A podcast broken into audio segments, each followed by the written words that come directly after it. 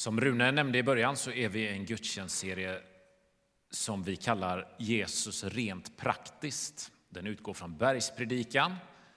Eh, och vill man följa med i gudstjänsterna liksom lite extra, vill man ta med sig dem hem och vill man förbereda sig så finns det ett häfte här ute på, på kyrktorget man kan ta med med lite frågor och böner och bibeltexter och så vidare. Eller på vår hemsida. Eh, använd gärna det om du vill.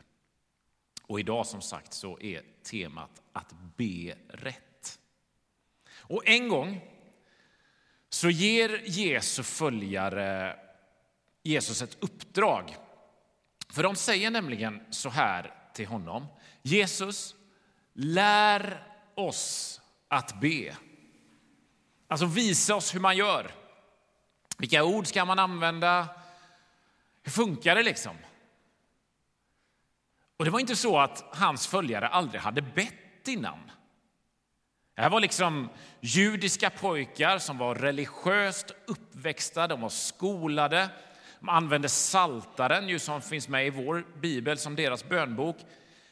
Alltså de var inte nya på det här med att be. Det verkar som att de såg någonting hos Jesus när han bad som de ville ha. Som de själva kanske kände att inte riktigt blev rätt för dem. Och när jag läser den här vädjan som lärjungarna har till Jesus så tänker jag ibland, vet jag vad jag håller på med när jag ber? Eller när jag försöker att be? Alltså, det kan ju låta som en väldigt defensiv tanke. Och, och en del av oss funderar nog, kan man ens be på fel sätt? Men sanningen är nog den att jag och kanske någon till med mig borde ställa oss den där frågan, gör jag rätt? Äh, ber jag på det sättet man borde, om, om man nu kan be rätt? För jag tror att alla människor som ber har undrat eller undrar med jämna mellanrum om någon lyssnar. Alltså, funkar det här ens? Är det liksom någon mening med att jag knäpper händerna, blundar och så säger eller tänker de där orden, eller hur jag nu gör när jag ber. Har man gått i kyrkan ett tag så har man säkert fått höra att be, det är att prata med Gud. Alltså som man pratar med vilken annan människa som helst. Det är bara att öppna munnen och prata. Att det är bön, så säger vi ofta. Men när Jesu följare vill att Jesus ska lära dem att be så svarar inte han, nej men det behöver ni inte lära er. Eller han säger inte, det är bara att öppna munnen och låta det flöda. Alltså han svarar inte be, vet ni, det kan alla människor redan. Eller be, det är inget man behöver lära sig. Kanske är det så att många av oss inte ens har reflekterat över att be verkar faktiskt vara någonting man kan lära sig. Det är någonting man kan göra lite mer rätt och faktiskt även lite mer fel. Men i alla fall, när lärjungarna ber Jesus om en lektion i bön så ger ju han dem vår fader, som Rune läste förut. Vad man nog kan säga är världens vanligaste bön, eller världens mest använda bön. Och man kan ju tänka att det låter som att Jesus ger lärjungarna en trollformel. Ni vet, jag kan lära er att be, använd dessa orden så är ni i hamn. Men så är det ju inte riktigt. För meningarna i vår fader, det är ju mycket mer än en ramsa. Det är mycket mer än ord som ska ramlas eller något ord som får något magiskt att hända. Alltså innehållet i vår fader, det är liksom inte som att stoppa in bankkortet i en automat och så får man ut bönesvar och allt vad man önskar händer. Utan bönen Vår Fader förklarar någonting om Gud och den förklarar också någonting om oss. Men inte minst så är det liksom en inbjudan att träda in i bönens värld. Vår Fader är laddad med teologi, med, med innehåll. Alltså det är mer än bara några ord Jesus liksom slängde ut sig på studs där och då. Så när man funderar över det här med att be rätt och be fel så är den bibeltexten som gäller för idag alldeles utmärkt att använda. Alltså Matteus 6, vers 5 och framåt. Och sedan även kan man läsa några verser i kapitel 7, men det finns som sagt med i det här häftet. Men när vi ber så ber ju vi till Gud. Och för att då kunna be som man bör eller ska så behöver vi nog reflektera över vem ber jag till? Alltså, om Gud är mottagare av bönen, vem vänder jag mig till? Vår Fader, du som är i himlen. Så inleder ju Jesus sitt svar när hans följare ville ha hjälp med att be rätt. Det betyder ju med all sannolikhet att det ligger ganska mycket i den meningen om vem man ber till och varför det skulle vara så viktigt. Och jag vill till en början med att säga detta. Jesus stoppar inte in Gud i genusdebatten när han inleder Vår Fader. Vår Fader handlar inte om kön. Alltså Jesus gör inte ett inlägg i frågan om Gud är man eller kvinna genom att kalla honom vår far. Utan vad Jesus gör är att förklara hur vi människor kan se på Gud. Hör här, när Jesus kallar Gud för far så handlar det här om funktion, inte biologi. Alltså hade Jesus kommit till oss rent kroppsligt idag, lärt oss den här bönen, så hade han med all säkerhet istället sagt förälder istället för far. Har du svårt med formuleringen far på grund av dåliga erfarenheter eller kanske jobbiga minnen? Tänk då förälder istället för far. För det här är vad det handlar om. Att mena bestämt att Gud är man och inte kvinna, det är att misstolka Bibelns alla intentioner, det vill jag säga i de orden. Vad Bibeln vill säga är att Gud är alla människors ursprung. Och till det så behövs både en man och en kvinna enligt vår biologi. Och i Gud så ryms det som vi ser som manligt och kvinnligt. Så när Jesus i sammanhanget för 2000 år sedan lär ut bönen så gör han det i ett samhälle där pappan hade liksom den tydliga ansvarsrollen i familjen för nuvarande och för kommande generation. Och även om det här säkert kan hjälpa en del att förstå det hela lite så är det säkert så att den här bilden ändå skaver för några. För en del känner ju att förhållandet till dina föräldrar har inte varit bra. Eller att du själv kanske ser dig som en dålig förälder. Och då tänker att Gud skulle vara som mig eller Gud skulle vara som mina föräldrar kanske inte smakar så bra. Men hör här, bara för att du hör Guds roll är att likna vid föräldrarollen så betyder det liksom inte att du bara ska kopiera och sedan klistra in allt som är dina erfarenheter av föräldraskap i bilden av Gud. Utan sanningen är ju den att Bibeln menar att Gud är den modell från vilket allt gott föräldraskap utgår och ska hämta sina förutsättningar ifrån. Det betyder att Gud är så som varje sund och klok förälder bör vara. Och det är så Gud är som du vänder dig till, som du närmar dig när du ber. Det är någonting av det första man kan ha med sig när man ber rätt. Vår Fader, du som är i himlen. Men innan, om vi hoppar tillbaka några verser, innan Jesus förklarar vem vi ber till så säger ju faktiskt Jesus hur man inte ska be. Alltså Det här är ganska intressant. Enligt Jesus så finns det någonting som definitivt är fel sätt att be på. Så här stod det. När ni ber kan ni inte göra som hycklarna. De älskar att stå och be i synagogorna och i gathörnen för att människorna ska se dem. Sannerligen, de har redan fått ut sin lön. Nej, när du ber, gå då in i din kammare, stäng dörren och be sedan till din fader som är i det fördolda. Då ska din fader som ser i det fördolda belöna dig. Och när ni ber ska ni inte rabbla tomma ord som hedningarna. De tror att de ska bli bönhörda för de många ordens skull. Gör inte som dem, ty er fader vet vad ni behöver redan innan ni har bett honom om det. Jesus pratar om dem som han kallar hycklarna. Och det grekiska ord som kan användas kan vi översätta med skådespelare.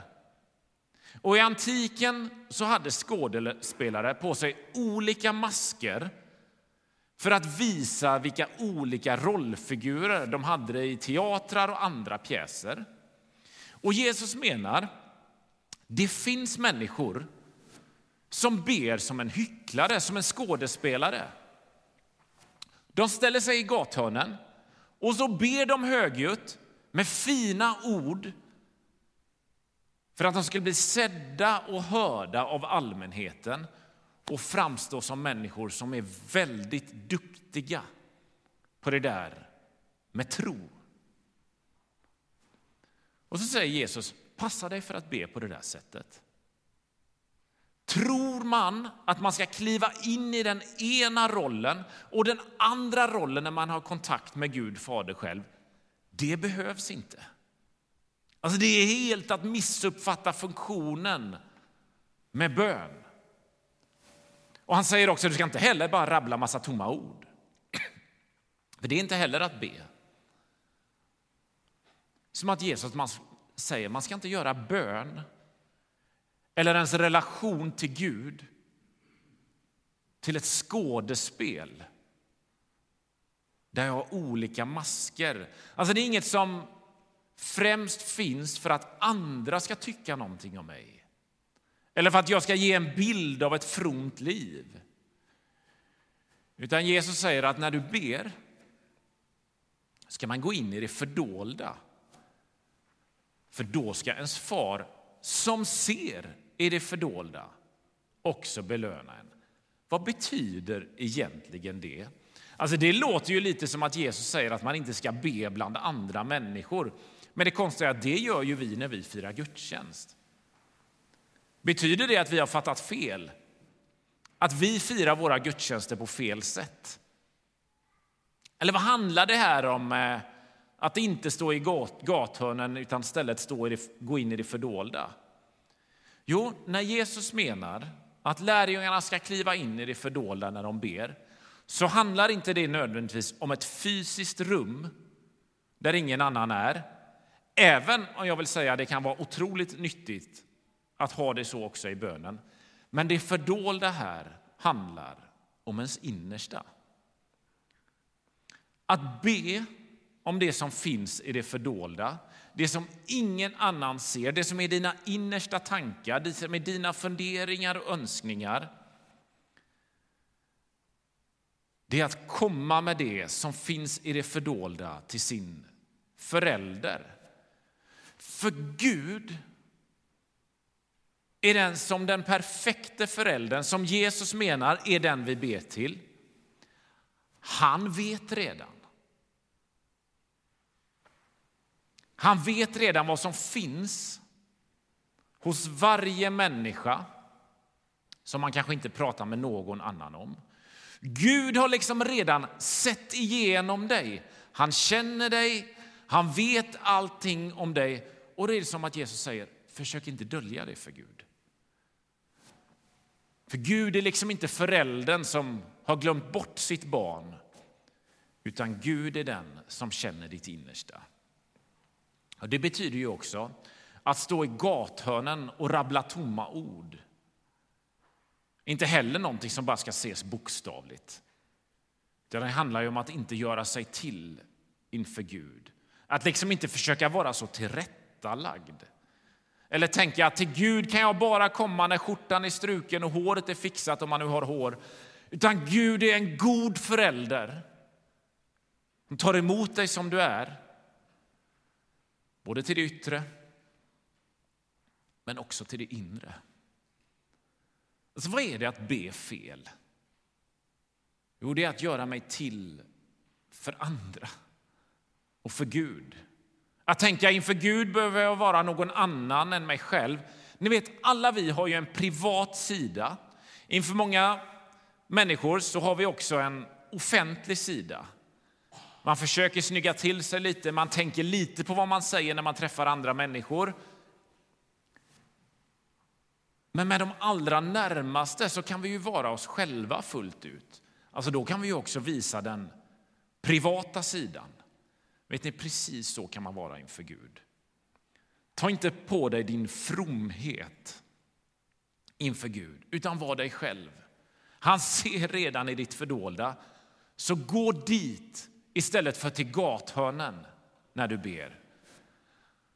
Jag lovar, det kommer få en helt annan dimension och djup när vi också kan vara ärliga om och med oss själva inför Gud Fader själv.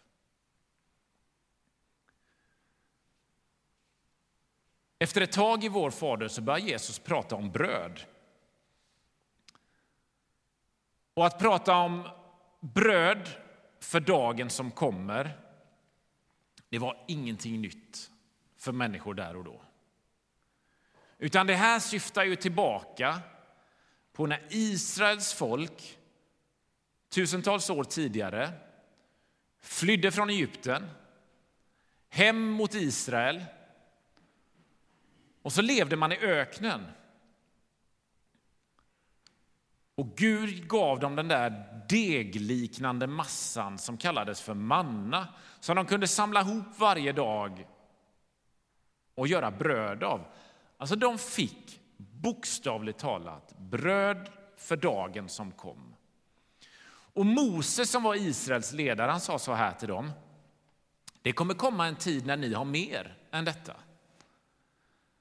En dag kommer Israel vara ett rikt land när ni har mer än för dagen som kommer. Och då kommer det komma andra länder och vilja köpa bröd av er. Och då vill jag, sa Mose, att ni ska komma ihåg tiden i öknen när ni fick bröd av Gud just för dagen som kom. Kom ihåg att när vi gick i öknen så gav Gud till er. Var då noga med att ge andra när den tiden kommer. Vilka har det som Israels folk idag, så som de senare fick det? Alltså som inte bara har manna så att det räcker för dagen utan så att det också räcker för resten av året. Som både har råd och möjlighet att ge till andra som inte har lika mycket. Ja, men det är ju vi. I alla fall de allra flesta av oss. Jag vet att en del av er som, som lyssnar inte har det så. Att en del av oss känner en osäkerhet kring det området för tiden som ligger framför. Men för dig och för oss som har så det räcker till både för dig själv och andra som kan köpa det du behöver och lite till. Vet då att det som du tänker är ditt kommer inte främst på grund av din lön eller främst på grund av din utbildning eller på ett arv eller att du har samlat på dig. Utan allt, oavsett vad det är, har du allra mest på grund av Gud. Det säger Jesus. För det första, i den där meningen, ge oss idag det bröd för dagen som kommer. Och därför ska man komma ihåg att när Jesus lär oss att be den här strofen så handlar det inte bara om att Gud ska ge oss saker utan att vi ska kunna förstå att allt vi har, mat, kläder, tak över huvudet, någonstans att sova, det är något som ytterst sett kommer från Gud. Att be rätt är liksom att få ett perspektiv på det jag har. Ja, men det kommer i långa loppet från Gud. Om man ser till hela bönen Vår Fader så sker det ju en förändring några meningar in i bönen jämfört med hur det har låtit tidigare. I de tre första meningarna har det handlat om Gud. Vår Fader, du som är i himlen. Låt ditt namn bli helgat, låt ditt rike komma, låt din vilja ske. Men så helt plötsligt är det om mig, om dig, om oss. Ge oss idag det bröd vi behöver. Alltså I inledningen har vi nämnt saker som kopplar direkt till det som är Guds. Det är hans namn och hans vilja och annat. Men så svänger det alltså efter några meningar för att då är det att mätta mig och oss det handlar om. Och den här sista meningen är ju till stora delar det som bön representerar för många av oss. Vi ber om saker för oss. Ni vet, vi ber om, om, om vad jag önskar av Gud, är att barnen ska få må bra och klara skolan. Vi ber att vår ekonomi kan ska vara bättre än bra. Vi ber att vi ska slippa vara sjuka. Kanske ber om att du ska träffa honom eller henne. Att ni ska kunna åka på semester nästa sommar. Att du ska få bli sedd. Alltså alla oss har så många böneämnen som börjar med ge oss. För vad meningen ge oss idag, det bröd vi behöver, faktiskt också säger, det är ju att bön kan förändra saker och situationer.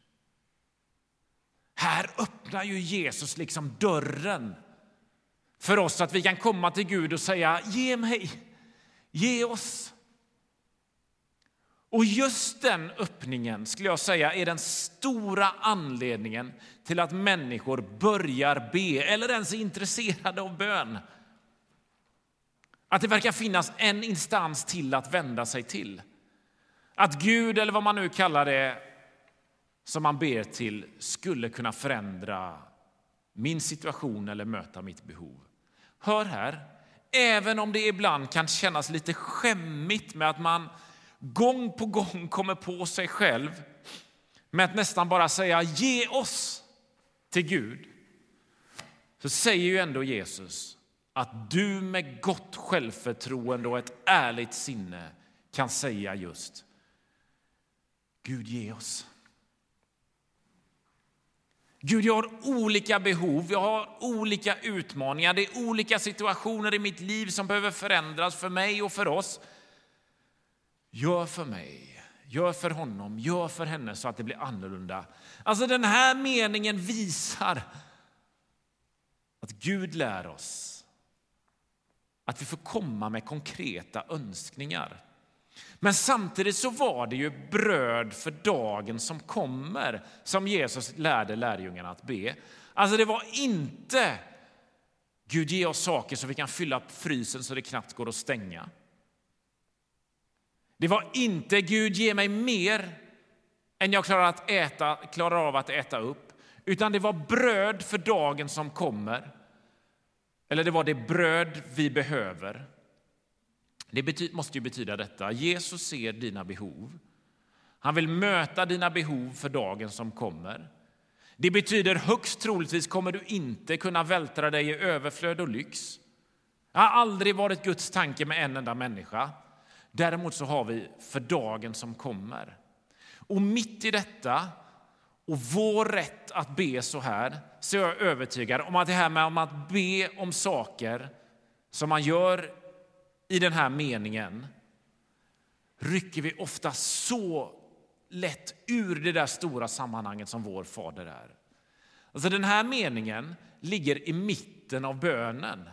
Och det tänker jag, det gör den av en anledning.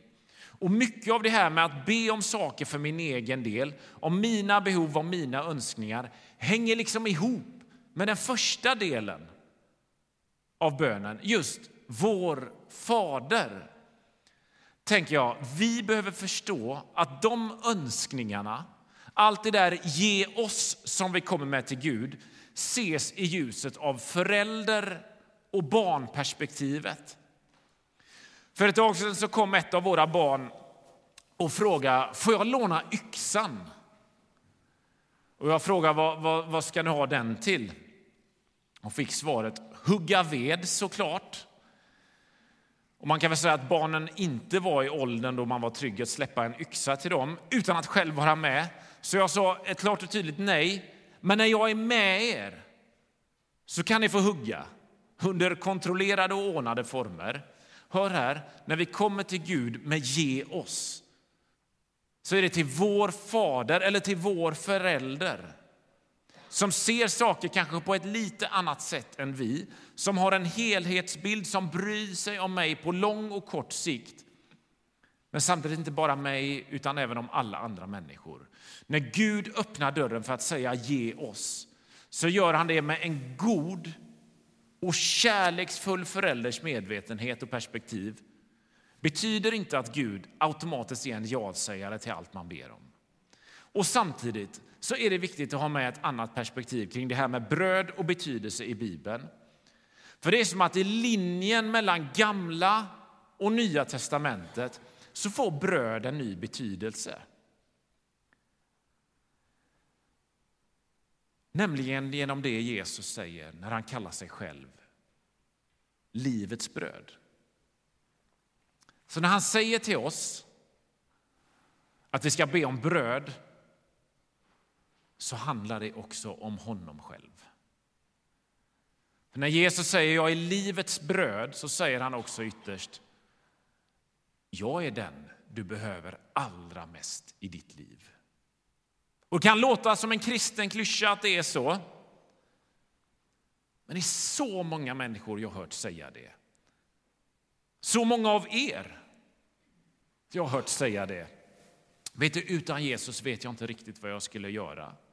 Eller det är Jesus som får mig att orka gå upp på morgonen. Eller människor som berättar att jag har mött motgångar, livet har varit hårt, men Jesus har liksom burit mig och visat mig så mycket kärlek och nåd. Och vet du, det är det största för mig. Alltså, det är så många gånger jag har hört människor uttrycka sådana ord. Och då tänker jag, deras livs bröd, det som ytterst sett får dem att leva, det är Jesu kärlek. Det är Jesu kraft, det är Jesu vägledning. Och det tänker jag, det kan vara en påminnelse till oss som tänker att jag klarar det mesta i livet själv. Eller Gud är någonting jag tar, tar till när det kommer ett läge att jag måste säga ge oss eller ge mig.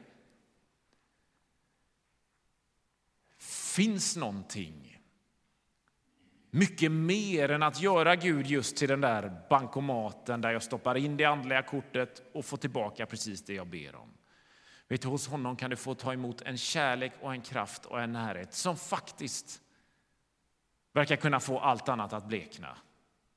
Som inte kan mätas med någonting annat. Och till dig som aldrig har bett den bönen, säg till Jesus att du vill förstå och uppleva vad det betyder att han är livets bröd. Det kan öppna något helt nytt.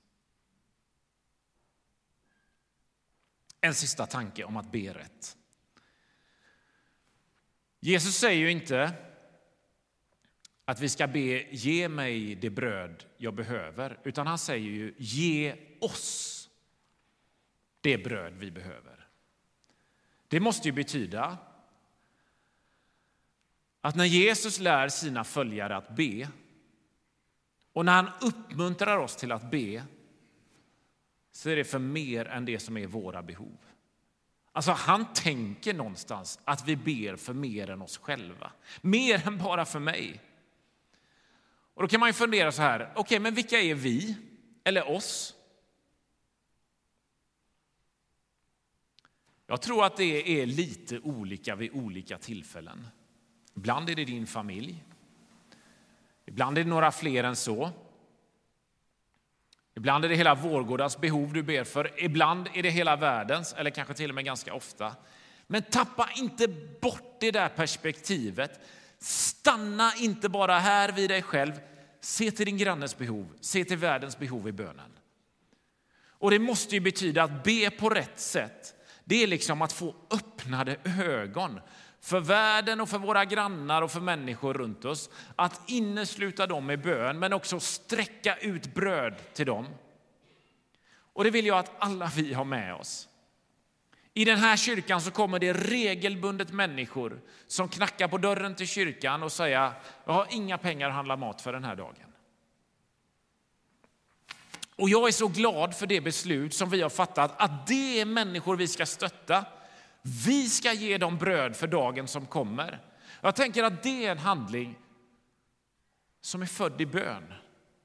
Som är född av människor som har levt nära Jesus, insett att det här är vägen vi ska gå, alltså det är så vi ska agera. Vi förändrar inte människors liv i den utsträckningen som vi kanske önskar. Eller vi lyckas kanske inte riktigt få människor i arbete eller ge dem ett lägenhet. Eller vi kan liksom inte hjälpa alla människor att komma ur ensamhet eller dra dem i missbruk. Men vi har bett Gud om mat för dagen som kommer. För egen del, men också för andras del.